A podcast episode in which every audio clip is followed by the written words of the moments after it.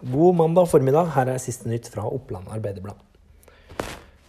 25.900 personer møtte ikke til avtalt time i Sykehuset Innlandet i 2018. Det viser ferske tall fra Sykehuset Innlandet, som bl.a. ble omtalt i Hamar Arbeiderblad forrige uke. Ifølge konstituert direktør for medisin og helse Trine Finnes har det store konsekvenser for andre pasienter som venter på time. Sykehuset Innlandet ønsker ikke overfor OA å utdype hva tallene er for Gjøvik men sier at det er små geografiske forskjeller, og at det er psykisk helsevern som har de største fraværene. Finnes sier videre at, til OA at sykehuset antagelig kan være flinkere til å legge til rette for at pasientene kan komme til oppsatt time. I helga reagerte flere forbipasserende på forsøpling ved den nye barneskolen på Rødfoss. Gamle møbler og annet skrot var slengt utover grøntområdene ved parkeringsplassen på baksida av skolen. Da vaktmester eh, kom på jobb mandag morgen, var store deler av søpla allerede fjerna av noen.